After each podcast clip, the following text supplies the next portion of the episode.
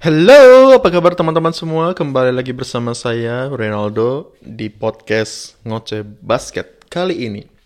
Oke, di pembahasan kali ini aku bakal bahas tentang kekalahan Les Lakers melawan Sacramento Kings 116-125. Mengejutkan sih, maksudnya gimana ya? Bisa dibilang mengejutkan, bisa dibilang enggak. Mengejutkannya adalah karena uh, Lakers kan harusnya menang kan? Lawan Sacramento tim-tim yang ada di bawah mereka di mana yang kedua poin ini maksudnya poin kedua yaitu nggak mengejutkannya ya memang saat ini memang Lakers jeleknya di musim ini adalah inkonsistensinya lagi kan?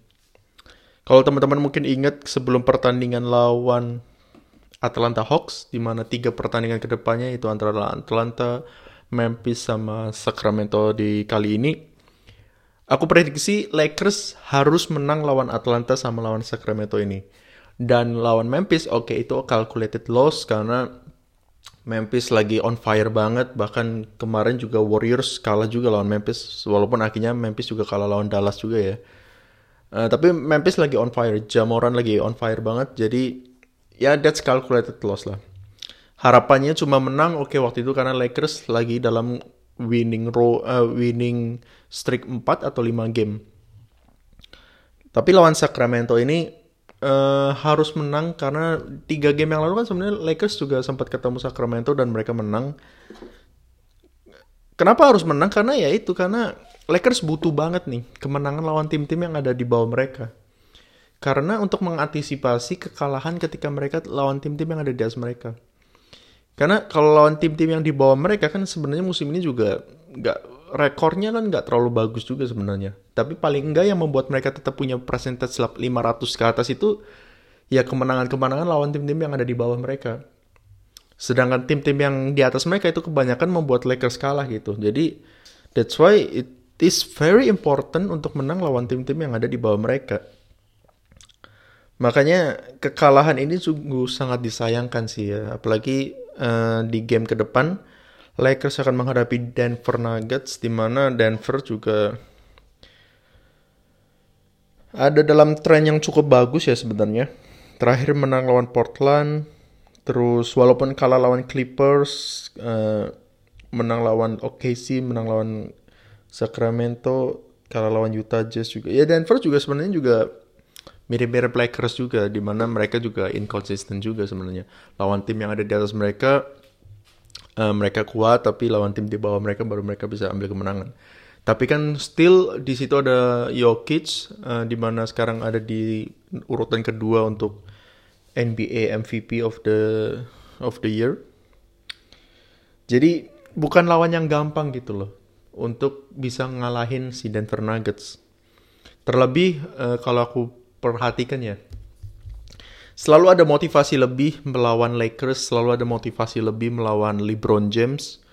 Ya karena ya for now ya LeBron James ya apa ya legenda lah ibarat ibaratnya buat buat buat teman-teman di sekitarnya LeBron James tuh ibaratnya sekarang udah, untuk angkatan zaman sekarang ya memang udah veteran banget usianya 37 ya udah look up lah ngelihat LeBron James lah. Jadi anak-anak baru yang masih umur 22, 21, 25 yang beda umurnya 15 tahun, 20, 10 tahun dia for sure ketika punya kesempatan bermain satu lapangan eh, melawan legenda atau sosok idola yang kita dulu tonton waktu kita masih kecil of course ya kita pengen keluarin kemampuan terbaik kita untuk bisa ngalahin idola kita lah ibaratnya gitu. Jadi ya nggak heran akhirnya kebanyakan tim-tim itu kalau misalkan lawan Lakers, lawan LeBron tuh oke. Okay, it seems uh, apa namanya pertandingannya atau uh, apa namanya historinya dia atau pertandingan sebelum-sebelumnya itu nggak konsisten. Sometimes dia menang, sometimes dia kalah, sometimes dia kalah dengan kekaya, uh, kesalahan yang konyol dan segala macam. Tapi once mereka ketemu idolanya mereka, oh mereka benar-benar on fire mereka benar-benar keluarnya semua yang mereka bisa dan segala macam. Itu masih inget banget waktu OKC di awal-awal musim tahun ini. Di mana OKC itu cuma ada dua kemenangan kalau nggak salah inget di awal-awal game itu. Dan dua-duanya itu cuma dia dapat lawan Lakers. Ketika lawan tim lain yang notabene nggak punya squad sekomplit Lakers mereka bisa kalah mereka mainnya nggak konsisten tapi once mereka ketemu Lakers mungkin apalagi sih kan sekarang kan pemainnya kan uh, pemain muda semua. Jadi pasti mereka punya motivasi lebih lihat Lakers salah satu franchise paling sukses di NBA uh, cincin gelarnya paling banyak terus di situ ada LeBron lagi yang mungkin idolanya mereka ketika mereka jadi akhirnya mereka punya motivasi lebih gitu jadi ya it's not easy sih untuk Lakers untuk LeBron sendiri terutama di usianya sekarang untuk bisa tetap ada di performanya untuk terus menang setiap gamenya di mana lawannya juga punya motivasi lebih. Jadi akhirnya satu-satunya cara adalah ya teman-temannya Lakers gitu. Eh sorry teman-temannya LeBron yang ada di Lakers yang kembali selalu ada permasalahannya. I don't know. Uh, bagaimana manajemen dan coach uh, Lakers sendiri tampaknya belum bisa benar-benar memecahkan permasalahan yang menjadi intinya di Lakers sekarang ini yaitu masalah inkonsisten dari teman-temannya. Karena kalau kita lihat sedikit nih dari pertandingan lawan Sacramento, LeBron James itu being LeBron James gitu. Dia cetak 34 poin, 7 rebound, 6 assist. Bahkan uh, three pointnya memang oke okay, three pointnya memang agak kurang yaitu 3 dari 12. But still 34 points gitu loh. Jadi kekalahan ini kita nggak bisa lihat. Oke okay, oh mungkin LeBron James dalam performa yang uh, buruk dia nggak bisa keluarkan. Enggak dia udah cetak 34 poin. Walaupun 3 point persentasenya cuma berarti cuma 25 persen 3 dari 12 ya kan memang dia bukan 3 point shooter kan? Tapi still 34 point loh. Sedangkan teman-temannya Westbrook hanya cetak 8 poin. Malik Monk sebenarnya di sini dia main bagus, 22 poin, bahkan 3 poinnya dia dia cetak uh, eh, 6 dari 9, 66,7 persen. Di mana Malik Monk uh, ya being Malik Monk, di mana kayak gini dong, harusnya Malik Monk tuh harusnya seperti ini gitu. Paling nggak bisa cetak 20 poin, dan yang terlebih lagi buat Malik Monk adalah untuk bisa konsisten di 3 poinnya, karena itu yang sangat penting terutama buat uh, game basketball di zaman sekarang ini kan. Kalau kita lawan tim-tim seperti uh, Golden State dan segala macamnya itu kan three pointnya kita harus kuat. Kayak contoh masih uh, contoh bagus banget adalah kemenangan Milwaukee Bucks dua game yang lalu lawan Golden State Warriors. Main di Bucks, main di Milwaukee.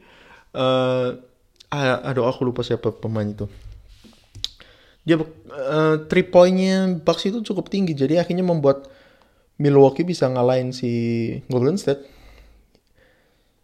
Ini aku sebentar aku lihat ya. Milwaukee Bucks sebentar teman-teman. Aku uh, ini kemenangan Milwaukee lawan Golden State. Di situ Chris Middleton mereka dia cetak 3.5 dari 7 Allen 3 dari 7 Portis 4 dari 7 lalu ada Matthews uh, dua dari tiga.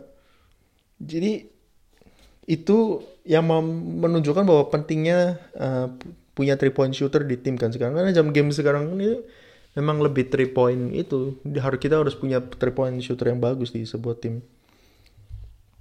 Makanya Malik Monk harus being Malik Monk dengan punya presentasi bola tinggi, eh, three point yang tinggi, sehingga bisa membantu timnya itu loh, bisa nge-backup timnya Uh, jadi nggak cuma LeBron aja yang bisa kerja. Tapi di luar itu Anthony, uh, sorry, Austin Reeves um, melakukan pekerjaannya, being as a rookie, super ordinary 19 poin. Dia cetak 4 dari 7 juga, 3 poinnya juga bagus banget. Justru yang ironis adalah sebenarnya ya, nama seperti Russell Westbrook ini yang nggak bisa come up untuk ngebantu timnya gitu. Karena selalu banyak yang ya selalu selalu kita bicara kan he's the big three gitu loh dari di Lakers ini. Bukan Carmelo Anthony bukan bahkan Malik Monk even Austin Reeves dia itu cuma rookie Russell Westbrook gitu loh yang he's to be apa ya expected untuk bisa datang kasih poin tambahan buat Lakers sehingga LeBron ini nggak bisa nggak cuma bisa kerja sendiri aja gitu tapi dia butuh backup Jadi kembali permasalahannya adalah ya inkonsistensi dari teman-temannya itu. Terutama kalau aku lihat ini kalau kita pelajarin dari game ini aja, LeBron oke okay, udah dia udah being LeBron, Malik Monk juga udah mengerjakan partnya, Austin Reeves juga udah mengerjakan partnya. Jadi mungkin Russell Westbrook sendiri sebenarnya yang harus juga bisa ikut come up sehingga bisa mem, bisa apa ya bisa memberi poin tambahan lagi gitu loh. Dia nggak bisa segalanya cuma mencetak 8 poin bahkan field goal percentage-nya itu 2 dari 14 It's, it cannot be like that gitu loh misalkannya. Untuk seorang nama sebesar Russell Westbrook kan gitu ya jadi untuk game selanjutnya melawan Denver tentu Denver jauh di atas Sacramento kan Bahkan di game-game selanjutnya buat Lakers sendiri itu bukan game-game yang mudah lagi.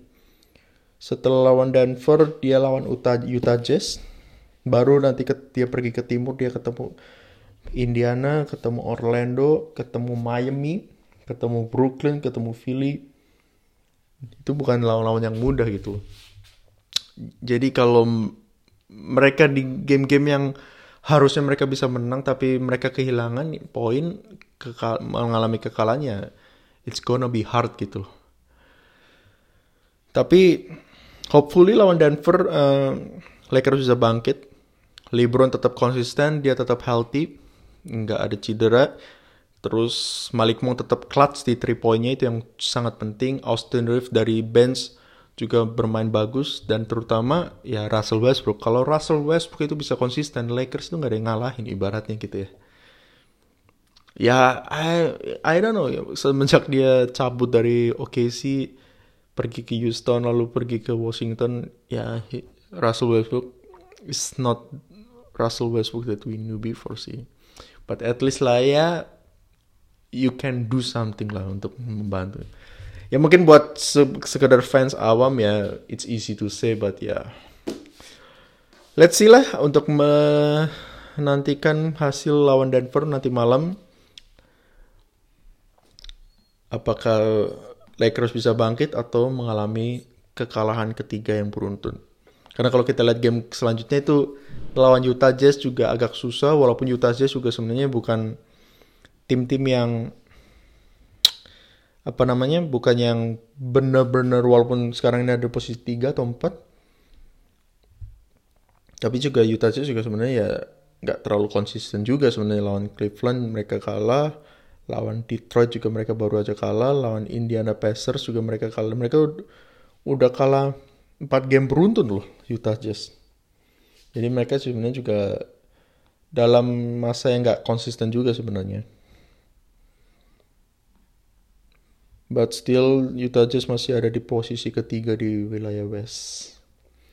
Jadi ya makanya hopefully Frank Vogel bisa menemukan formula yang tepat banget buat Lakers untuk bisa membangkitkan konsistensi teman-temannya LeBron bisa nge-backup LeBron dan hopefully kalau nggak salah dalam akhir bulan ini atau atau awal Februari Anthony Davis diprediksi bisa kembali.